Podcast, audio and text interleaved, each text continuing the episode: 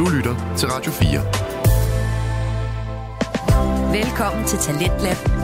Din vært er Kasper Svendt.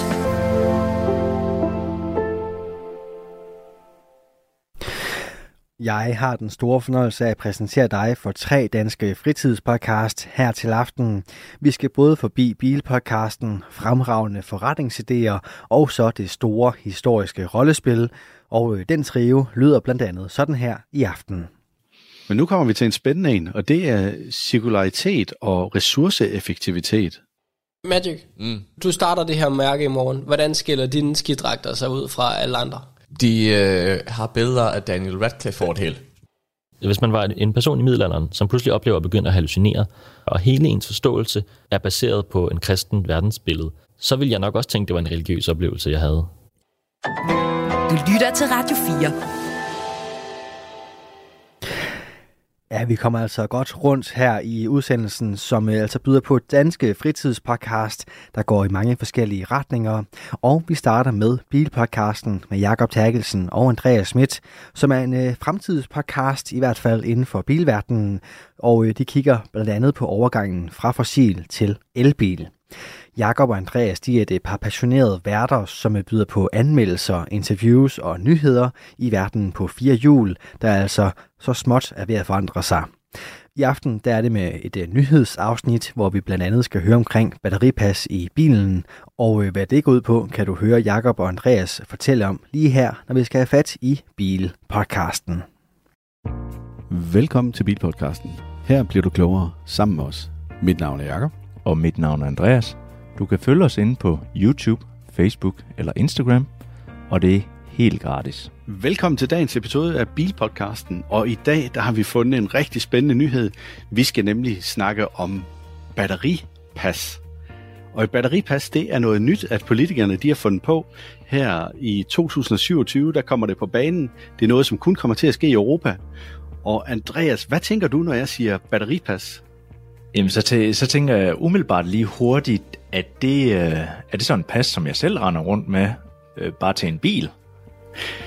Det kan man øh, sådan set godt sige, fordi det, det handler om, det er, at øh, vi har nogle politikere i Europa, som i hvert fald det er det, jeg tror, er ved at være lidt træt af, at der kommer så mange biler ind fra Kina af, som, som måske bliver produceret på en anden måde end de biler, som europæerne de producerer. Der er måske knap så meget styr på nogle forskellige ting. Men nu prøver jeg lige at læse lidt af nyheden op, og så øh, kan vi kommentere på det lidt senere. Ja, jeg glæder mig. Yes. Fra februar 2027, altså om bare tre år, så skal alle nye biler være udstyret med et såkaldt batteripas. I hvert fald, hvis de sælges inden for Europa. I batteripasset, der skal man som bilist kunne finde en hel del oplysninger om, hvordan elbilens batteri er blevet til. Bilisterne skal blandt andet kende forsyningskæden bag batteriet og de råmaterialer, som batteriet består af. Politikere i EU har stadig ikke besluttet for, det tager jeg lige om. Politikerne i EU har stadig ikke besluttet sig for, hvilke informationer, at batterifabrikkerne de skal tvinges til at komme i passet. Men det ligger allerede nu fast, at batteripasset er noget, der skal finansieres af det tyske økonomiministerie, der i samme ombæring har taget mærkerne som Audi og BMW med på råd.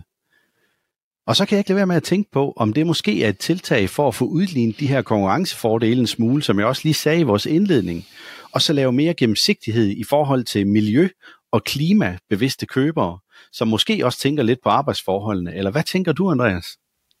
Altså, jeg, jeg, jeg synes jo egentlig, det er, det er meget fedt, fordi at øh, den der store debat, når man står og snakker med nogen, som øh, kommer øh, eller kører i en brændstofbil, fossilbil, øh, det, det er jo altid, ja ja, men det er, det er så dårligt for miljøet og alt det der. Så, så er det meget fedt, man lige kan hive et pas frem og så sige, jamen, jamen det er rigtigt, der er måske lige det her, der er dårligt, men ellers så kan du jo så se resten. Det, det, er, det er ikke mange fossilbiler, der får, øh, får det sådan. ja, nu kan jeg godt høre, at allerede nu, da, vi har jo snakket lidt om, hvad det her batteripas det indeholder osv., og, og jeg tror, ud fra noget af det, du sagde der, så øh, det kommer vi ind på lidt senere. Ja. Det her med, at man lige kan slynge passet op og så sige, jamen prøv at se her, det er måske ikke så slemt, som du går og tror. Ja, altså, men øh, jeg må da indrømme, at øh, jeg, jeg kan virkelig godt lide tanken om det her. også fordi, at vi har været inde på det her med, at øh, Kina har det måske ret så nemt lige pt. Øh, i forhold til øh, sådan noget som øh, tvangsarbejde og, og øh, oplæringscamp, tror jeg de, de kaldte det. Der var nogle nyheder for nogle år siden, hvor at, øh, det, det, det altså var et problem, at man, man ikke rigtig kunne spore øh, solcelleproduktionen helt i bunden. Og der, der var der jo flere store producenter, som blev importeret fra øh, Kina af, altså deres solcellepaneler, som havde tvangsarbejde med i øh, produktet. Det er og så kaldte, de det, så kaldte de det oplæringscamp, eller hvad sagde du? Ja, det, helt nøjagtigt, så kaldte de det, nu skal, nu skal jeg lige se, hvad det hedder. Øhm, ja. Altså, umiddelbart så tænker jeg, at det er et meget, meget fint øh, ord for tvangsarbejde. Ja, altså genopdragelseslejre. Ikke også? Genopdragelseslejre? Ja. Nå, okay. Ja, det er så fordi, at det er kinesiske fanger, der er blevet tvunget til at arbejde der, eller hvad? Ja, og det, det er simpelthen fordi, de har en eller anden religion, som man ikke vil have i Kina. Og så er de blevet pst, genopdraget, altså genopdragelsescamp. Nå, og så det, det er religion, det er ikke engang øh, straffefanger? Nej, det er religions... Og det er ret uheldigt. Øh, og du er 100% sikker på det her, så det er ikke sådan, at vi har en hel masse seere af, af YouTube'en eller lytter af podcasten, som måske efterfølgende tager fat i dig og så siger, hvad pågør det ja. for dig? Nej, man kan faktisk gå ind og se det på både DR og TV2, som, øh, og jeg mener, jeg kan ikke huske, om det var DR eller TV2, der lavede en udsendelse med det her. Øh, okay. Men øh, det kan man gå ind og se. Yes. Men det er, jo, det er jo det, et pas måske kan dem op for, tænker jeg da. Ja, ja, men det kan det da helt sikkert, men det kommer vi ind på nu her. Jeg prøver lige ja. at fortsætte lidt med, med nyheden. Ifølge teknologivirksomheden Sicoler, Sicoler, det er meget et meget specielt ord at sige, vil jeg sige, kommer der nye batteripas, eller kommer de nye batteripas til at koste imellem 7 og 12,8 euro. Alt afhængig af, hvad det er for en bil, at batteripasset skal være til. Og det svarer til knap 100 kroner, når det er dyrest. Til gengæld vil batteripasset gøre det mere gennemskueligt, hvordan den enkelte bil eller elbil er blevet til. Det skaber ansvarlighed i forsyningskæden. Hvem rører ved hvad, hvornår og hvor, lyder det fra Sikuler-chefen Ellen Carey. De har foreslået at inkludere helt op til 90 stykker med information i det her batteripas på tværs af syv forskellige kategorier. Og det synes jeg jo alt sammen, det lyder meget godt. Så nu vil jeg lige gennemgå de her syv forskellige batterier, at øh, de regner med at dele det op i. Og den første del, det er generel batteri og produkt- eller producentinformation. Og hvad tænker du, det står for, Andreas? Jamen det, det giver vel næsten sig selv. Altså det er, hvis det er øh, Byd eller øh, Panasonic, eller hvem der nu laver batteriet, at det, det simpelthen er, er der, den ligger. Ja, det er jeg også ret sikker på. Ja. Udover det, så øh, det næste punkt, det er overholdelse og certificeringer og etiket. Ja, og det er vel lidt ligesom vi har i Europa i dag allerede, altså CE-mærkninger og, og forskellige andre instanser, som, som gør, at der ikke kommer alt muligt bras ind i landet om, om det er selvantenner og sådan forskellige ting. Ja, det er i hvert fald en kontrol af, at alle de her certificeringer, de er på plads, og ja. de også kan stå inden for det. Det kan du gå ind og finde i det her batteripas, som så skulle komme fra 2027. Det næste punkt, der kommer, det er batteriets CO2-fodaftryk. Ja, det synes jeg egentlig er en, en, en uh, meget fin ting, men altså den, den, øh, jeg kan godt forestille mig, at den er svær at lave 100%. Ja, det tror jeg ikke lige i forbindelse med selve fodaftrykket, når du producerer det, fordi det her, det er Nej. i forbindelse med produktionen. Den synes jeg egentlig er, den, den burde være til at regne på. Ja. Fordi der kommer jo, der er jo meget stor forskel på, hvilken form for batteri, at du får lavet og produceret. Uh, jeg er ret sikker på, at over tid, så vil vi begynde at se, og det ser vi allerede, en masse nye batteriteknologier, som er på vej. Blandt andet en, som er lavet på bagepulver, det synes jeg lyder utrolig spændende. ja. Og en anden, der er lavet på salt. Altså det er ja. øh, helt vildt, hvad der sker inden for batteriteknologien lige nu. Og vi pynser der også på her på Bilpodcasten at lave en special episode, hvor vi dykker ned i alle de forskellige batterityper, som er ved at komme på markedet. Øhm, ja, ja. Jamen, der, der siger du ved at komme på markedet. Der kan jo gå lang tid for det, de faktisk øh, sidder og, og, og jogger lidt i nu her, eller arbejder med.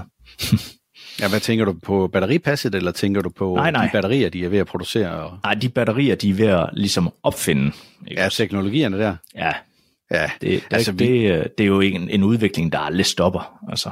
præcis. Så vi har jo alle sammen set de her uh, solid state erklæringer, som der er kommet, hvor de har sagt, jamen altså om et år eller om to år, så kommer det. Men jeg tror stadigvæk på, at vi skal helt frem i 28 eller 30, før at vi ser det første reelle solid state batteri. Ja, og så er det, øh, det kan godt være, at vi ser nogen før, men hvad er prisen på den? Altså, det ja. er jo, ja, Det bliver rigtig, rigtig spændende. ja. Nå, det næste punkt, der kommer, det er forsyningskæden. Og det, Det var lidt giver- det, Det giver lidt sig selv, ikke? jo, Det var det, vi var inde på med, ja. er der tale om øh, virkelig kummerlige forhold, forhold til den måde, at batteriet det bliver produceret på, og hvor råmaterialerne, eller råmaterialerne de kommer fra. Ja, ja og, det, og det er jo også, øh, der snakker man jo også om Afrika, hvor man har børnearbejde og, og eksempelvis. Og, og øh, jeg ved da også, øh, ting det kommer jo også fra Rusland, og der er man jo stoppet helt med at importere fra. Altså, så, så, øh, så skal man finde det andre steder. Det, altså, det går jo ikke i stå, bare fordi at man stopper et sted. Nej, lige præcis. Og det næste punkt, det er batterimaterialer og sammensætning, og det synes jeg egentlig hænger sammen med batteriets CO2-fodaftryk, fordi det giver ja. Lidt sig selv. Ja. Ja. Alt efter hvad du kommer i dit batteri, jamen så, så øh, har det jo en vis form for CO2-belastning, og, øh, og det har jo helt klart noget at sige med, hvad det er for et råmateriale, du bruger. Ja, helt sikkert. Altså, ja, Men nu kommer vi til en spændende en, og det er cirkularitet og ressourceeffektivitet. ja og øh, cirkularitet, Jakob, kan du ikke lige forklare mig det? Jo, cirkularitet, det vil altså sige, det er, det er, hvad hedder det, livscyklusen for selve batteriet. Så det vil sige, der bliver simpelthen lavet en måling på, hvor meget at det her batteri, det forurener i forbindelse med hele batteriets levetid, og hvor meget, at det kan genanvendes. Ja, og, øhm, og der kan jeg godt være bange for, fordi man siger jo allerede nu her, at man kan genanvende 97% af batteriet. Men jeg kunne jo godt være bange for, at den her hurtige udviklende teknologi, den simpelthen overhaler de metaller og, og det, man bruger i, i nutidens batterier, som man egentlig ikke kan bruge det til batterier igen, fordi man har fundet på smartere løsning. Så ved jeg godt, at øh, så kan vi måske bruge det til noget andet, men igen, du har brugt ressourcer på at få det op af jorden, og altså, det er jo det. Men lad os lige tage det sidste punkt med her, inden, at vi, uh, inden vi lige runder episoden af her i forbindelse ja. Ja. med nyhederne. Og det er ydeevne og holdbarhed. Og ja. Ydeevne og holdbarhed, Andreas, hvad tænker du, at uh, de vil have med der i forbindelse med det her batteripas? Jamen altså holdbarheden, den, den giver jo sig selv. Altså hvis- hvis øh, holdbarheden den er ringe på et batteri, jamen, så stiger CO2-aftrykket jo kanont, og, og, og det dur selvfølgelig ikke. Øh, ydeevnen, det, øh, det tænker jeg, man, man måske producerer, mm, jamen altså, jamen, det ved jeg ikke helt, altså ydeevnen på, på det her, der, Altså jeg tror, at det er et spørgsmål om, hvor, at der bliver lavet nogle målinger på, hvor meget du maksimalt kan lade på batteriet, og hvor hurtigt mm. du kan aflade det igen. Jeg tror, at der kommer et eller andet form for tal eller noget i batteripasset på den del også. ja, Og ja. Fordelen ved det, det er jo, at så bliver der lige pludselig gennemsigtighed i forhold til det her med, når du skal købe en brugt elbil en gang, men så kan du gå ind og se, jamen, hvor hurtigt kunne den oplade og, og aflade, og hvad kan den reelt nu, når du øh, får bilen senere hen. Det synes jeg Ja, da, det, det kan være virkelig godt for dig som forbruger også. Ja, det er da meget interessant i forhold til, at vi ved jo, at uh, Tesla, de, de, deres Model S'er, der sænkede de simpelthen ladehastigheden, fordi de fandt ud af, at batterierne, de kunne ikke, uh, de kunne ikke holde så længe på den garanti, de selv havde givet ud. Og det blev der jo rammer og skrig om med, med dem her. Så jeg tror, det blev hævet lidt igen, men, men om det kom frem, eller kom tilbage til det, de oprindeligt kunne, det er jeg ikke sikker på. Nej. Men hvis vi lige skal kigge på de her syv forskellige punkter, der ligesom skulle være indeholdt i det her batteripas, hvad mener du så er vigtigst af de her punkter? Sådan ren og skær nysgerrighed. Øh, helt klart, det er cirkularitet og øh, holdbarheden. Cirkularitet. Den, den, den ruller lidt på tungen. Cirkulariteten ja. Ja. og så holdbarheden. Er de ja. to nederste punkter der? Ja, det er det. Altså, jeg synes, det er interessant med CO2-aftrykket Øh, men, men der tænker jeg mere, at det er jo måske et spørgsmål om, hvad, hvad vil man gerne vise med det? Altså, det er et højt CO2-aftryk for en elbil til at starte med, det ved man, og det bliver jo automatisk mindre og mindre. Så det ved jeg ikke, om man kan bruge til så meget. Jamen, nu tænker vi også lidt på det her med, at vi, vi har meget fokus på den grønne omstilling her mm. i bilpodcasten. Det er jo noget, der interesserer os. Og ja. derfor så kommer vi også til at snakke lidt om, hvor strømmen kommer fra og sådan noget i nogle af de andre øh, episoder, at vi laver. Men Ja, men vi har synes... stadigvæk øh, begge et ønske om, at vi, vi på sigt skal ud og op i en vindmølle og se, hvordan sådan en den roterer, Jacob. Det, det, det skal vi se. rigtig meget til. Det skal vi helt sikkert have lavet en aftale om. Men det jeg lige var ved at sige der, det er, at det er jo ikke kun det, at øh, det handler om, fordi nu lyder det som, måske som om, at vi er fuldstændig ligeglade med, hvordan folk de har det, når de udvinder råmaterialerne til de her batterier. Det er vi jo ikke. Jeg synes jo også, at forsyningskæden er ret vigtig i det her batteripas. Men ja jeg ved bare ikke, hvordan at det kommer til at fungere. Fordi jo jo, det kan da godt være, at der følger et batteripas med din elbil, men, men sker der noget ved, at der står, at den er produceret i et eller andet sted, hvor der er udvundet nogle materialer i en mine, hvor der er kummerlige forhold? Hvad sker der ved det? Får du en straf så? Det ja, står altså der det, jo ikke noget om. Nej, det gør der nemlig ikke, og det, men det kunne jo være en fin måde at gøre det på. Har du øh, anvendt det her, jamen så bliver det x antal dyrere for dig. Øh, Altså, ja. Og det, det er jo sådan, man ser virksomheder finde de rigtige løsninger. Det er lige så snart, at det ikke kan svare sig mere. Så snart det begynder så. at gå ondt på pengepunkten, så ja. sker der noget. Sådan er det jo tit for os alle. ja. det jo, ja. ja. Men Andreas, det var sådan lige en kort omgang nyheder her i Bilpodcasten i dag, eller en nyhed. Og vi har allerede fundet en nyhed mere, som vi bringer om tre dage. Vi har simpelthen yes. valgt at dele episoden op for, for ja. at det ikke skal blive for langt, og for at I forhåbentlig bliver hængende her til slutningen af episoden også. Ja, så lyt med, eller se med om bare tre dage. Yes, og hvis I kan lide, at vi gør det på den måde, så giv os endelig et præg om det. Husk at komme med en tommel op, og ellers uh, abonner der, hvor du nu kan abonnere på os. Det sætter vi utrolig meget pris på. Men indtil videre, så have det godt, til vi ses om tre dage. Tak fordi du lyttede med. Gå ikke glip af næste episode. Tryk på følg eller abonner. Fortæl dine venner og bekendte om os. Det vil hjælpe os utrolig meget. Og kør forsigtigt derude. Du lytter til Talentlab på Radio 4.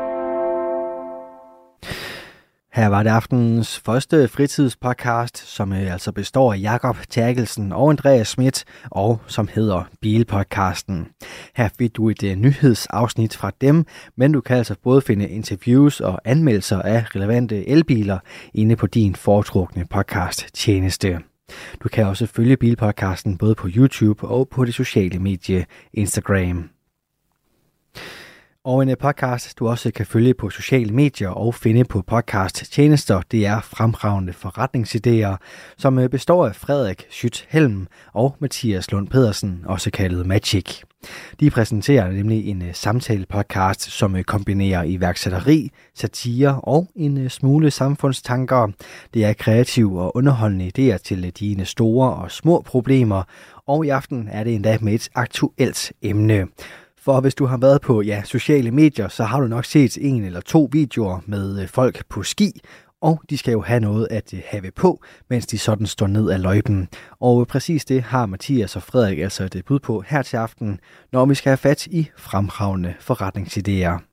Så uh, Magic, jeg har en kammerat, ja. som uh, han vil gerne til at leve lidt uh, sundere, og vil gerne til at spare lidt penge, så i stedet for at være med i uh, kantineordningen på arbejdet, mm. så besluttede for, at han skal skulle lave uh, mad hjemmefra selv. Ja, fedt. Og det tænkte det var sgu et fedt initiativ, og så står jeg og spørger, hvad, hvad, hvad har du så med? Ja. Og så, det er bare sådan, det er bare sådan en sandwich-ting. Ja, også nemt at tage med. Lækker sund. Ja, ja. Øh, og så, så kigger jeg over på den der sandwich. Mm. Det er en øh, fryspizza, han har klappet i to. og jeg står på den ene side og tænker, det er ikke for at være sundere og, mm-hmm. og for at være mere fornuftig. Nok ikke engang for at spare penge, at du gør det her. Men på den anden side, mm. genialt, fordi en fryspizza smager altid godt. Det er så fint. Han har taget den svære løsning. Ja. Og hvis du gerne vil have svære løsninger, ved du, hvad vi så skal til nu? Fremragende forretningsidéer. Fremragende forretningsidéer.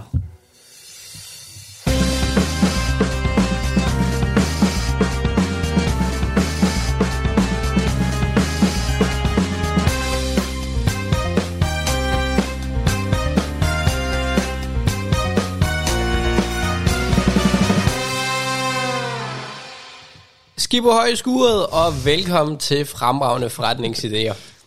En podcast om fremragende forretningsidéer, og også nogle gange knap så fremragende forretningsidéer. Mit navn er Frederik Held. Jeg er jeres envært. Over for mig sidder... Mathias, også kendt faktisk, jeg vil gå så langt som til at sige ikke kendt som Mathias. Øh, af, af venner og fjender kendt som Magic. Ja, yeah. Magic Johnson, øh, kendt for øh, sin lange basketkarriere, og at han havde HIV. Øh, og det ene afsnit i South Park. Ja. Yeah. Øh, og sidenhen øh, er du jo blevet hvid, øh, betydeligt mindre, og øh, betydeligt yngre, og har lært dansk. Ja, og dårligere til basketball. Og betydeligt dårligere til basketball. Ja, ting sker. Yes, jamen øh, Magic, Mm. det er øh, januar Ja, 2024. det bliver godt nytår. Ja, godt nytår. Det var det egentlig også sidste gang, vi optog, så, så også godt nytår dengang. Jeg har tænkt mig at gå og sige godt nytår hele året. Den 20. øh, vi er ved at optage afsnit til februar, og mm. øh, det bliver super godt. Det er en øh, rigtig skarp idé. Du har snakket om det længe, om at det her måske den bedste idé, du nogensinde har haft med. Ah, nå. øh, og, og jeg er virkelig hype. Jeg glæder mig.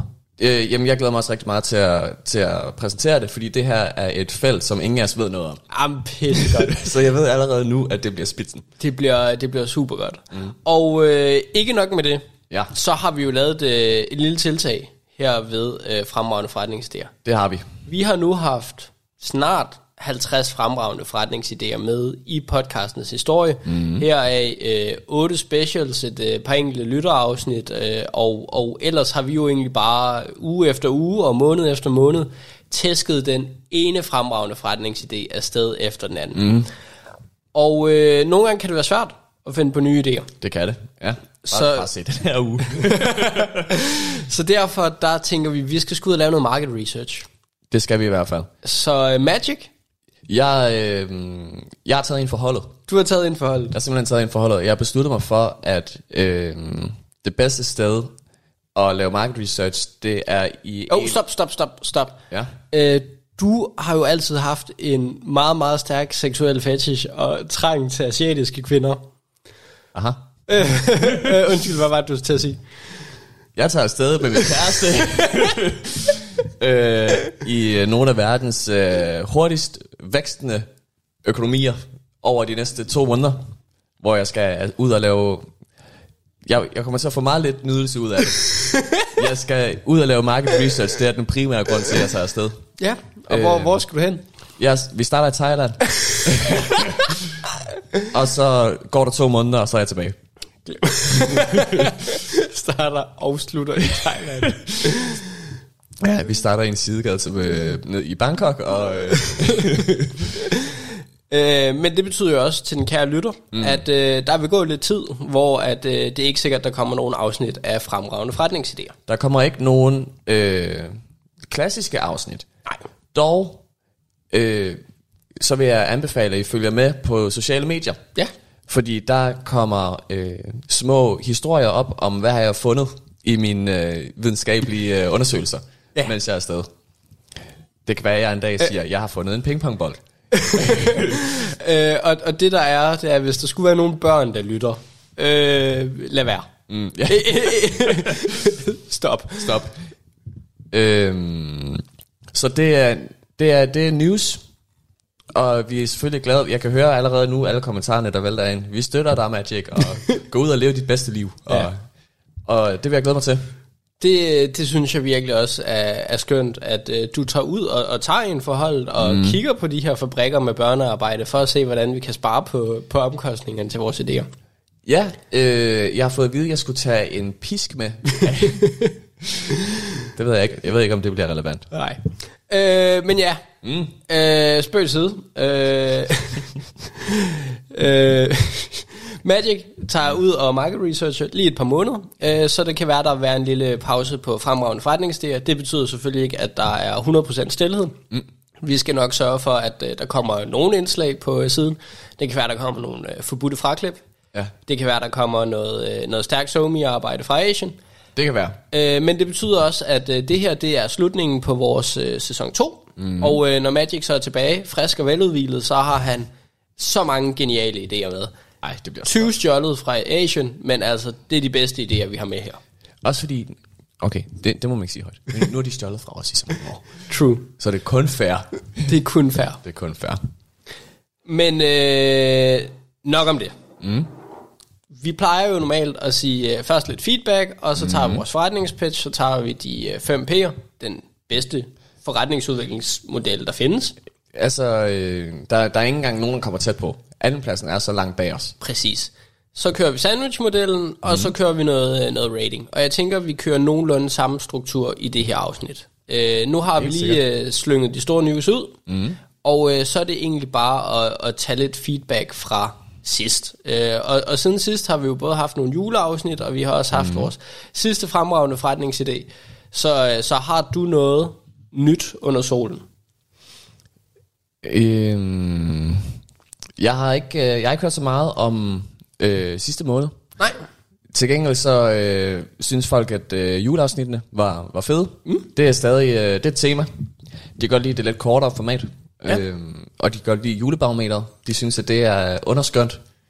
Som der var en lytter, der, der sagde. Det er også en fantastisk barometer. Altså, Det det, et kan vi sgu ikke uh, gå væk fra. Fremragende barometer. Og det er jo super fedt, at, at I virkelig godt kan lide de korte afsnit. Øh, også så kan vi lige give jer en fuckfinger og sige, vi er tilbage med de lange. Ja.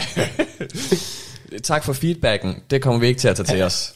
Ja, ah, på sigt, men altså, øh, nogle gange er det ikke gørelsen, der er det størrelsen. Mm.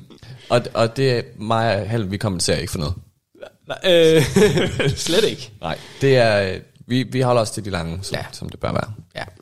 Hvad med dig? Har du fået nogle øh, slibrige kommentarer? Jeg synes, jo, øh, jeg synes jo, en af de fede ting, vi har startet den her podcast, det er, at mm. vi har indgået et samarbejde med øh, Radio 4. Mm. Håber jeg, de hedder. Hvor at, øh, vi har en kontaktperson, Kasper, som øh, nogle gange sender nogle afsnit, og så er han øh, rigtig sød til lige at komme med lidt feedback og sige, yes. Hey, det her afsnit, der gjorde I det øh, super godt, men I, I fedtede lidt for meget med ledninger, eller I, I tøvede lidt, eller det var sgu lidt for seriøst, eller det andet ja. var lidt for lal. Øh, Yes. Lige kom og, og fortæl os, hvad, hvad fungerer, og hvad fungerer ikke så godt. Mm. Og øh, sidste afsnit, der skriver Kasper, super fed idé, øh, virker rimelig gennemtænkt, øh, også mm. som om der er noget fornuft i det. Og øh, det var så den her idé om, at man skulle kunne hyre en, øh, en, en erfaren person hjem, som kunne mm. lære dig at sætte lamper op, eller lære dig at lave mad, lære dig en masse ting. Ja. Hvor til Kasper siger, at det kunne være super fedt, øh, hvis I kunne forklare, hvordan, hvis I havde forklaret, hvordan den her adskilte sig fra andre services, for eksempel Handyhand. Ja. Og jeg går ind på Handyhand og tænker, det har jeg aldrig hørt om før det Nej. her. Og, og kort øjeblik tænker jeg, den måde, det adskiller sig, det er, at øh, vi skal være bedre til at markedsføre. øh, ej, der var så nogle andre forskelle. Det var mere at hyre den her person hjem, og så laver de arbejdet for dig. Der var ikke helt det her Ah. læringskoncept med. Mm. Men, men jeg synes, det var så smukt øh, at få en mail, og lige to minutter tænker man, Nå, mm. jamen, det er en, invaliderer bare hele sidste afsnit. Ja. tak, tak for feedback, Kasper. Ja, tak, tak Kasper. Men, øh, men den måde, øh, det adskiller sig, kan jeg fortælle, at øh, vi lærer folk at gøre det selv. Handy hand. Ja, det er også fedt navn. Fedt navn. Men jeg tænker, en anden måde, det måske vil adskille sig på, det er, at der skal gøres mere ud af, af markedsføring, øh, fordi der er ikke nogen, der ved, hvad handy hand er. Udover Kasper. Nej. Det kan måske være, at Kasper har startet Hand. og var- Det kunne være super fedt, hvis lige han nævnt det her i vores podcast. øh, Det er Kasper, der siden vi har uploadet afsnittet, har han startet handy hand. det er fandme smart, Kasper. Ja. Skud ud. Skud ud. Øh, derudover, så, så, så fik vi jo, hvad jeg vil kalde øh, gråzonen feedback. Ja. Men, men det er måske noget for dig. Øh, Ja. Det var i forhold til, hvorfor må man ikke sælge seks lektioner på vores mm. øh, platform? Ja. Øh, hvor til, at der var en lytter, der spurgte, er det fordi, du hader kvinder, Magic? Jeg ved ikke, hvorfor det begyndt at dukke op nu. Nu er det blevet en ting i vores vennegruppe, at jeg hader kvinder, og det vil jeg altså gerne understrege offentligt. Det gør jeg ikke. Nej, Magic er så sød mod kvinder, og tit betaler han dem også for at hjælpe mm. Ja, jeg vidste, jeg ikke skulle have stoppet sætningen og bare givet dig frit spillerum. Det var et dårligt valg. Ja. Ja. Nej, men det er jo så fint, at du tager en tur til Asien for at se det. Anyway, øh, jeg, så en, jeg synes, det er en god pointe. Der er selvfølgelig et opmærksomhedspunkt i forhold til sidste måneds idé omkring ja. det her med, at, at det ikke bliver brugt til noget, som det ikke er tiltænkt. Ja. Hvis man kan validere, at det er for læringsformål, hvis det nu var en seksolog for eksempel, Ja. så vil jeg synes, det var okay. Men hvis det bare er øh, en, et andet form for bordel, Ja. online bordel, det, det vil jeg ikke synes var, var godt for platformen. Helt enig. Magic, Yes. et, et tredje stykke feedback, vi fik, faktisk mm. også fra Kasper, det var, at øh, det kunne være super fedt, hvis vi kunne prøve at holde introen til under 10 minutter, fordi, fordi øh, nogle gange kan der godt gå øh, lidt for meget hyggesnak inden Ej, i intro-segmentet, og, og, og ikke så meget D-pitch. Og nu er vi på 12 minutter. Ja. Så Magic, Ja, jeg har glædet mig sygt meget til dit D-pitch. Er du klar? jeg er klar. Og som altid, når vi laver et idé-pitch, så starter vi med et spørgsmål. Ja. Og Helen, har du nogensinde været ude på ski? Nej. Nej, det har jeg heller ikke. det er så godt. har du nogensinde set billeder af folk, der har været ude på ski? Ja. Det har jeg også. Har du nogensinde haft lyst til at hyre en erfaren skiperson, der kunne lære dig at stå på ski? Det tror jeg så faktisk, de har dernede. Ah. Skiinstruktører. Men, har du, når du har kigget på de her billeder af folk, der står på ski, tænkt, og nu trækker jeg bare noget op af hatten her, hvorfor ligner de en teletubby uden et tv i maven? altså, altså bare, bare en toppy. Det tror jeg aldrig, jeg har tænkt over, men det, det griner en billede.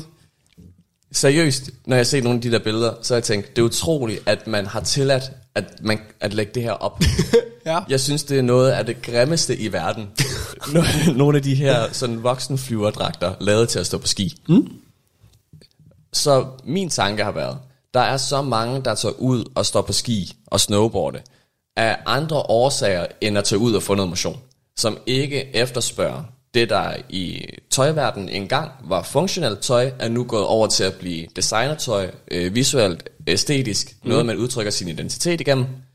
Øhm, men det findes ikke på samme måde inden for skitøj. Du kan godt finde et lækkert skisæt, men så er det designer. Så skal du op og give 8.000 kroner for et Superdry sæt. Mm. Men du kan ikke på samme måde differentiere dig fra, hvordan din, din bedsteforældres skisæt så ud Ja. I den nedre prisklasse. Ja. Og der synes jeg egentlig, at vi kan tage en lektie fra... Nu bliver det helt vildt skidt, hvad du har sagt om Asian. Der, der, der synes jeg, vi kan tage en lektie fra fast fashion. Ja. Og der tror jeg, at der er et marked der, hvor der bliver brugt altså millioner ja. af kroner om året på skitøj og skiudstyr. Og der er jeg sikker på, at der er et marked der, som gerne vil se lidt federe ud, lidt mere chic. Så tager mm. du med universitetet til Val Thorens, og du skal egentlig bare ud og score damer. Ja. Øh, eller du vil Vodka gerne... Red Bull til afterski hele natten lang. Lige præcis. Du vil gerne have, at det hele er lidt federe, fordi øh, du skal gerne se lidt lækker ud, så ham skiinstruktøren, han faktisk gerne vil med mm. tilbage til afterski, eller et eller andet. Øhm, det er ideen. Det er business, cool. at vi rammer, jeg forestiller mig især, det er det yngre segment, Ja. som ikke har lige så mange point til at bruge på et, et super dry, dyrt øh, designer. Mm. Men at vi har øh, nogen, det her er en idé, forestiller mig, at der skal opstartes af nogen, der kan lave noget design mm. på det her, og øh, kan forstå at markedsføre sig øh, ind på, øh, på skisegmentet. Ja. Spændende. Mm. Spændende. Øh, Har du nogle første tanker? ja, se. Du, du starter jo lidt ud med at spørge, øh, om jeg ved noget som helst om ski. Ja. Hvor til jeg kommer til kort, og mm. du kommer til kort. Mm. Øh, så, så det er jo på en eller anden måde fedt, at det er, en, øh, det er et afsnit, hvor vi ikke ved en skid. Ja. øh, men, men det gør jo så også, at det er desto meget mere farligere. Mm, det er det. Jeg skal dog sige, inden du fortsætter, jeg har faktisk brugt noget tid på at søge på det, fordi jeg ja. vidste godt, at du vil øh, have en masse spørgsmål, og hvordan ser det egentlig ud? Ja. Og, øhm, og det kan vi altid tage senere i processen, Ja. når vi snakker om produktet og om mulige konkurrenter. Der er noget derude, men meget af det, eller for ikke at sige det hele af det, det ligger op i high-end. Ja. Jeg, jeg tror også, jeg synes jo egentlig ikke, det her er dumt. Mm. Øh, wow, tillykke Magic, det er første gang. Ja, wow. Øhm, nej, så, så, så det jeg tror, jeg vil sige, det er, at der findes rigtig meget øh, fast fashion, eller der findes rigtig meget modetøj på det normale tøj. Altså mm. du kan købe 20.000 mærker af t-shirts, mm. 20.000 mærker af bukser, og der er selvfølgelig nogle mere veletablerede. Øh, Boss, Tommy, klassikerne. Mm. Så er der det, jeg kalder Du kan, du kan lige Tommy Hilfiger ved fornavn. Tommy Boy. Ja, det, nogle, gange, nogle gange er man tight like that. Ah, ja, ja. Når man har købt tilpas meget Tommy, så må man gerne kalde ham uh, Tommy Boy. Ja. Øh, så, øh, og så er der det, jeg vil kalde øh, sportstøj-segmentet. Mm. Sådan noget øh, øh, Nike, Adidas, øh, Champion. Er det ikke det, det hedder? Jo, Champion. Øh, Ja. øh, hvor at det er stadig fashion, men det er lidt mere sportsligt. Det er øh, mm. sådan, sådan en gråzone mellem at være aktiv og være fashionabel. ja, det er det, man kalder activewear, er det ikke det? Sikkert. Mm.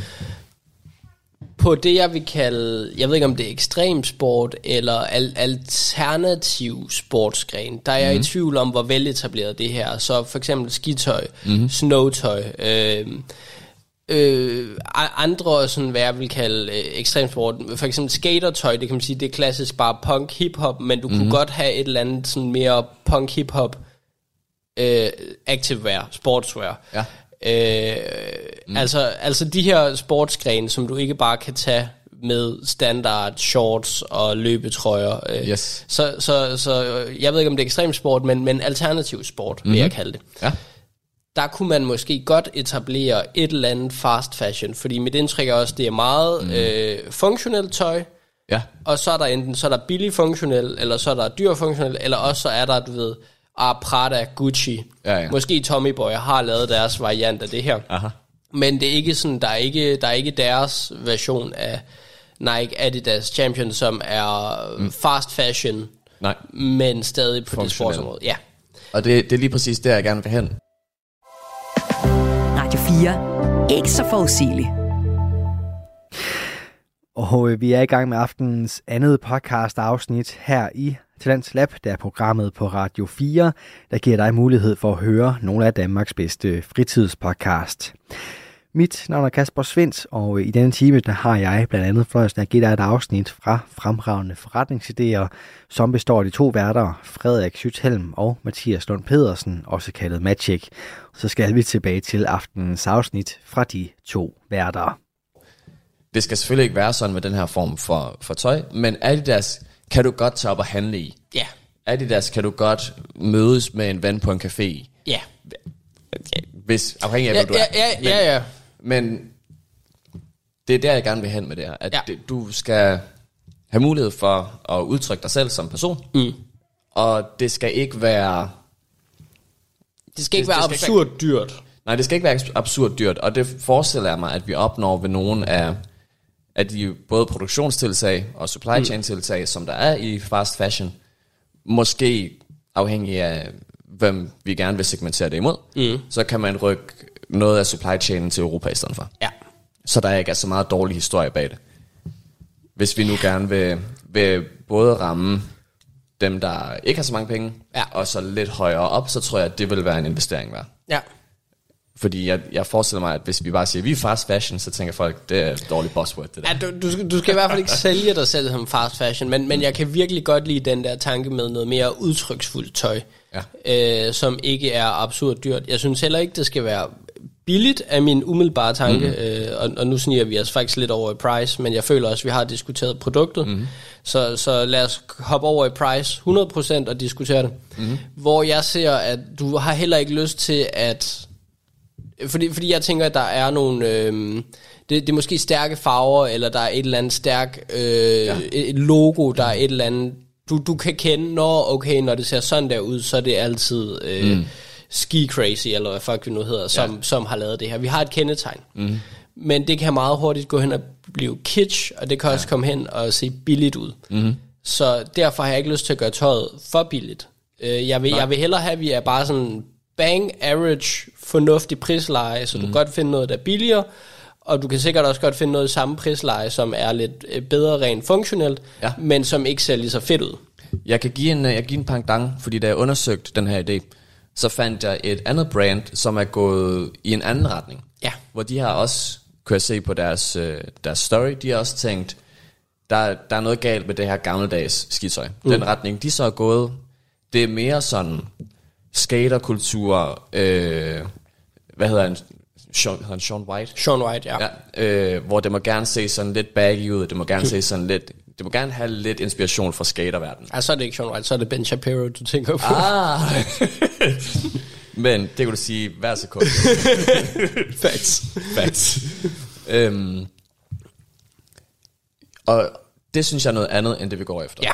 Rent prismæssigt, der ligger de på omkring 1500 til 2500 for deres ja. basismodeller. Og så har de nogen, der er sådan lidt mere hardcore, og, og der kan noget lidt ekstra, og de ligger så over. Ja. Og jeg tror, det er samme prissætning, vi skal sigte efter. Det er lige lidt dyrere end det der ensfarvede øh, Ja. øh, Tinky Winky lilla øh, sæt. Men det synes jeg også gerne, det må være, for at man kan sige, ah, det er sgu lidt... Ja. Okay, sidebar. Ja, Hvad med, at vi laver øh, Teletubbies skitøj?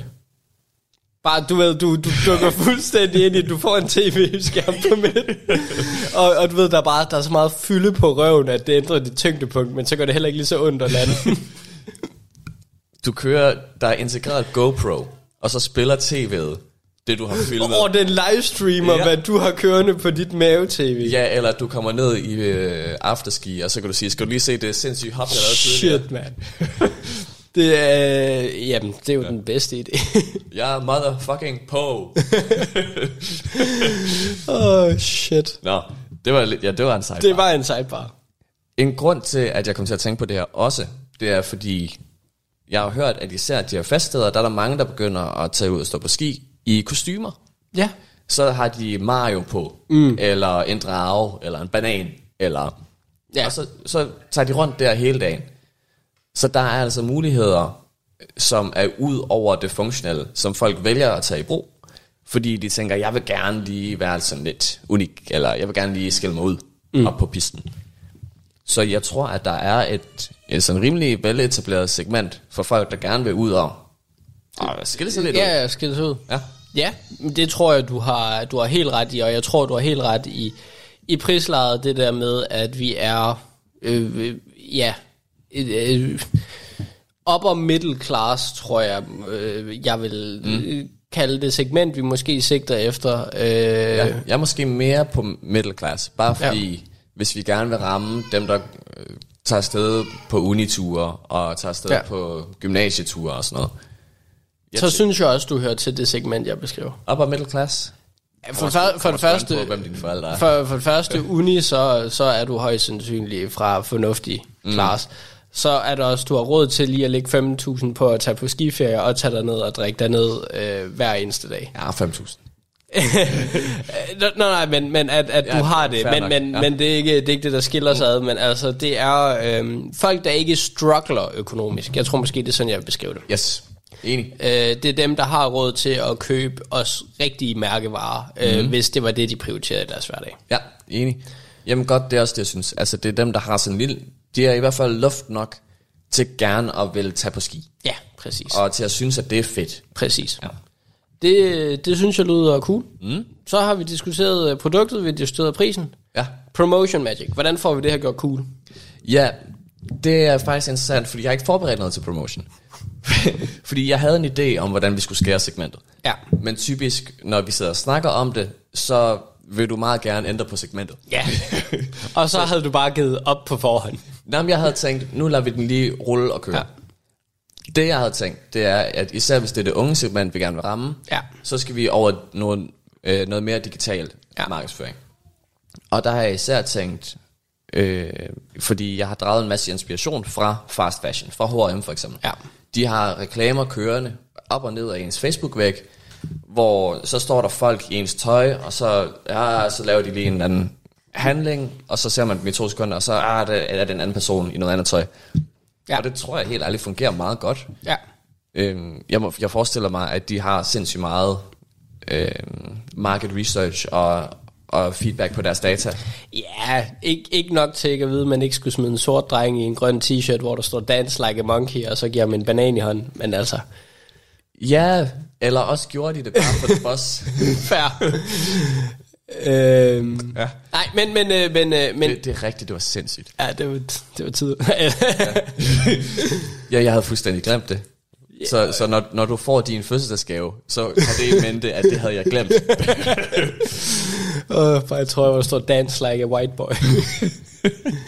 Øh, men, men, spejepølser her i hånden. men, øh, men enig, jeg synes jo stadig, vi måske prøver at være sådan lidt mere kvalitetsudstrålende og lidt mere sexet end H&M, mm. vil være mit umiddelbare udgangspunkt. Men jeg er enig, fordi jeg synes egentlig ikke, det er sådan super fjern. Nogle af de der reklamekampagner er også sådan, jeg ser Adidas, Nike, ja. øh, veletablerede sportswear mm. brands. Det andet, jeg tænker på, som jeg tror er vores fordel, mm. Det er, at vi har mulighed for at finde vores helt egen unikke identitet på nuværende tidspunkt. Mm. Så et eller andet, der kendetegner vores tøj, om det så en grafisk stil, eller om det er et logo, altså du kender Tommy på farverne, Ja. vores gode ven. Ja. Øh, du kender øh, Gucci og Louis Vuitton på mm. det der mønster, der altid er. Ja. Det er relativt veletableret, at har du et mønster, så lige, så for, lige snart folk ser det her mønster, så ved den om det er det her. ja. Og, og det ser dyrt ud, det der. Ja, og, og det jeg tænker, det er, at rigtig meget skitøj er funktionelt teletubby-tøj. Mm. Ensfarvet, kan et eller andet smart, der er en sort dragt, der er en lilla dragt, der er en blå dragt, mm. whatever. Så hvis vi kan gøre et eller andet, der skiller sig ud, det kan være, at vi er altid tofarvede, eller vi er altid mm. firefarvede, eller vi har øh, et stort øh, graveret logo et eller andet sted, der er en ja. stor tiger på ryggen, ligesom Kento. det, altså, Ja, eller vi har altid en skrå øh, stribe hen over en diagonal linje, et eller andet. Ja, lige præcis. Øh, sådan så, når du går ind på webshoppen og scroller igennem, så er der den der, der skiller sig ud. Mm. Den, der ser lidt federe ud, fordi den kommer fra øh, Skimaster, eller ja. hvad fuck vi nu hedder. Ski, skihallen. Skihelm. øh, helmski. Øh, Det, var lidt, det skal vi ikke have. Det går ikke. øhm, men, men det tænker jeg, at mm. vi skiller os ud fra mængden på alle webshops, vi er tilgængelige. Ja. Det er altid os, og det gør vi ved at have en solid profil. Det er meget fedt, fordi jeg tror faktisk ikke, at vi har haft det her så meget ind over, typisk når vi har snakket promotion. Mm-hmm. At der er jo både det, der hedder konkret markedsføring, altså outbound, hvordan når vi ud til kunden, men der er også alt det, der handler om dit brand, Ja. som måske ikke er så meget det, vi typisk har snakket om. Ja. Og der tror jeg, du har fuldstændig ret. Jeg tror også, at i den kombination, der er der noget marketing. Altså Helt bare, bare det at kunne vise fede film nede fra en eller anden skipiste, hvor der er nogen, der står ned ad en bakke i vores tøj, for at kunne fremhæve, kan man lige lave nogle film, filmiske virkemidler mm. eller et eller andet, hvor så kører man der nogen kørende ned ved siden af, der kører lidt langsommere i, i bedstemors tøj, ikke? Ja, ja. Men, men det er jo også bare det, det, at du har etableret en identitet, der gør dit tøj let genkendeligt. Mm. Det betyder, når der er en eller anden video, der går viral på TikTok eller sådan noget, Ja. så har vi øh, du ved, passiv, implicit markedsføring. Mm.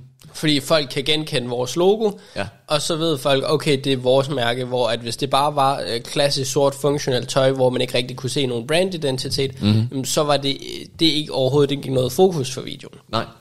Det er ligesom øh, dengang Yeezy, han solgte øh, hvide t-shirts til 800 kroner. Kæft, han kunne noget, den mand. Han kunne noget. Og hans crocs. Ja, og hans kone. Hvad, hvad for en af dem? Ja, hende der ligner Pete Davidson. Hvad for en af dem? øh, men, men, men, øh, men helt sikkert, jeg synes, øh, vi, kan, vi, kan, vi skal satse meget hårdt på den her brand-identitet. Mm. Og det gør nemlig også, nu har vi snakket meget om ski og snowboard, fordi det var der ideen udsprang. Ja. Har vi først etableret den her identitet, så kan mm. vi også køre den over på de her andre øh, alternative ekstremsports øh, Ja. varianter. Ja. Og så bliver det ligesom Adidas tre striber, det bliver ligesom øh, Pumas Puma, Ja. øh, og Nikes Just Do It. lille swirl der, ja. Hvad, fuck, hvad hedder det? En, ja, checkmark. Ja, check mig. Mm. Øhm, så, så, så der er jeg 100% enig. Det synes jeg virkelig kunne, øh, kunne være fedt at satse hårdt på den. Ja. Og jeg synes, det kunne være noget med nogle relativt stærke farver, og måske et eller andet mønster. Det behøver ikke være Louis Vuitton, hvor mønstret går igen hele vejen, mm. men, øh, men noget af den stil. Ja, jeg tror, at en af forudsætningerne for, at den her idé bliver fed, det er, at den person, der starter den her idé, har en designmæssig forståelse. Ja.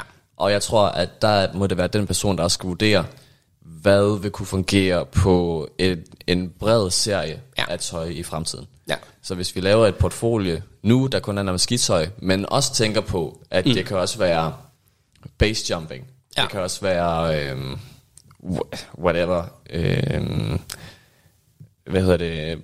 Der hvor du surfer, windsurf, Ja, ja, ja, kitesurfing, et eller andet. Ja. Øhm, Men det er også det, hvis, det er mere et spørgsmål at få lavet en identitet, mm. fordi så kan du spejle det over på, jeg ved ikke hvor mange ting. Ja. Yes. Så det, det er jeg fuldstændig enig i. Hvad, har vi nogle tanker omkring for eksempel nogle af de her organiserede ture på universitetet? Så er der 20 mennesker, der betaler 5.000. Så kan arrangøren få en hjelm eller et eller andet, hvis de gør det i samarbejde med os. Eller så, så laver vi på den måde noget promotion, der går ind og microtargeter. Tror du ikke... Øh, så tror jeg måske mere, at jeg vil køre lidt den der Red Bull-strategi, med at så er vi der til afterski, og så, øh, så er der et eller andet der. Så, så har vi sponsoreret et spil, hvor alle får Ja, der, vi holder en eller anden konkurrence dernede. Øh, beer pong, mm. øh, den der kan ramme flest øh, bolde i streg, vinder et helt nyt skisæt fra os af. Ja. Øh, og så, så er vi til stede nede til festerne, vi er der. Mm. Og, og hvem end der The Queen of the Dance, altså ja. ja. får lov til at få øh, vores fede nye sæt. Mm. Sådan tror jeg hellere, jeg vil gøre det, fordi ja. jeg kan godt se, der er et eller andet i den der, men når du først... Øh, det der med, at når du først er taget afsted på skituren, mm. så har du dit skitøj med, og så skal der være et eller andet virkelig fedt til at overtale dig til at skaffe noget nyt. Ja. Og så er det, jeg tænker, hvis vi kan give en eller anden virkelig fed oplevelse til nogen dernede, mm. Og de vinder et virkelig fedt skisæt, så kan det være, at du tænker næste gang, dit skisæt er hullet. Mm. Hold kæft, de havde altså også nogle fede sæt, og, er så cool. og vi havde den største fest, fordi at de øh, gav øh, vodka Red Bull, mens vi spillede øh, Ja. beer pong. Mm. Øh, sådan, så det bliver, en, det bliver en hel oplevelse, altså vi er ikke bare ja. et, øh, et brand på den måde. Og, og nu ved jeg, at vi har en øh, lytter, der elsker, når vi kommer med sådan nogle idéer, hvor vi snakker markedsføring, fordi han siger, I lyder som sådan en flok øh, 50-årige mænd, der prøver at være unge med de unge. øh, men, men jeg tror oprigtigt, det er den rigtige måde at gøre det på. Og det er også, øh, det er da også meget korrekt. Altså, du, øh, du har et barn, og du er sådan en rimelig veletableret familiefar, og jeg skal ned og plage Asien i to måneder. Ja, ja, du har jo overvejet at flytte til Filippinerne. ja, og det er første gang, min kæreste hører om alle de her ting, så det er rigtig, ja, rigtig de skal ned og lave market research. ja. Ja, jamen, det er jo det gode ved at have en ung filippinsk kone, der ikke forstår dansk. Mm. Nå, øh, ja, det er jeg enig i. Jeg Ja. tror, at det, det handler, når vi snakker om brand, ja. der er sindssygt meget teori og mange metoder, man kan bruge til at opbygge sit brand. Både hvor meget folk kender ens brand, hvor meget lojale, eller hvor lojale mm. de er over for ens brand, hvor lang tid der går, inden de glemmer det igen, altså retention. Men jeg, ja, men jeg, nu, nu bryder jeg ind, men jeg tror også, jo, en professionel designer vil kunne gøre meget, men nogle gange mm. tror jeg virkelig også, det er et spørgsmål om, hold en identitet, stol på den 100%, også selvom det ikke virker, mm. og så markedsfør den. Jeg synes, vi har set for mange øh, brands, hvor man tænker, at det er simpelthen for dumt, gider folk bruge penge på det. Altså ja. Supreme er et glimrende eksempel på det. Altså, det er en hvid trøje med noget rød tekst, kvaliteten er ikke engang særlig høj, mm. men folk smider det hvide ud øjnene på det, fordi de har skabt sig et brand, de har skabt mm. sig en identitet. Så jeg tror ikke nødvendigvis, det er vigtigt, at vi har de fedeste designs. Jeg tror, det er Nej. vigtigt, at vi har et stabilt design, der skiller sig ud, mm. og så forhåbentlig på en fed måde. Ja, Øh, Ja. men, men jeg tror ikke, det behøver nødvendigvis at være et eller andet øh, ekstremt. Altså Superdry er jo det samme koncept. Der Ja, er rigtig mange af de der brands, der gør det. Jeg tror, at, øh, at hvis du gerne vil starte der, så skal du have en passion for at, at trykke et produkt igennem i en gruppe, hvor en produktgruppe, hvor der lige nu ikke er noget tilsvarende. Ja. Og der tror jeg generelt, at produktdesignere vil synes, det er ret fedt. ja. Men okay, Magic. Mm. Skyd en eller anden øh, unik identitet ud. En unik identitet. Ja, bare, bare giv mig et eller andet. Du, du starter det her mærke i morgen. Hvordan skiller dine skidragter sig ud fra alle andre? De øh, har billeder af Daniel Radcliffe over det hele. Okay, intenst. Nej, øh, det, var måske, det var måske ikke lige det. Ja. Øh, jeg tror, at et fedt logo, et fedt Men hvad, hvad forestiller det logo? Bare giv mig et eller andet. Altså, er det Israels flag? alt, er, hvidt. Uh, ja. uh. Nej, øh, et eller andet. Simpelt. Tre farver. Koncentriske cirkler. Et eller andet. Ja. Øh, ja. Vi kan, vi kan hoppe på noget... Ja, vi skal passe på ikke at træde nogle andre brands over tæerne. Så tænkte jeg hvid, grøn, rød. Men ja. det, det, det er taget godt nok. Ja. Du lytter til Talentlab på Radio 4. Og vi tager lige en øh, kort pause fra fremragende forretningsidéer med Frederik Schüthelm og Mathias Lund Pedersen, også kaldet Magic, for at gøre plads til nyhederne her på Radio 4. Men i time 2 af aftenens Talents Lab, der vender vi tilbage både til dem og så også podcasten Det Store Historiske Rollespil. Så der er altså masser af grunde til at øh, blive hængende, og en af dem er altså øh, nyhedslevering i verdensklasse. Bare hør her. Du har lyttet til en podcast fra Radio 4. Find flere episoder i vores app, eller der, hvor du lytter til podcast.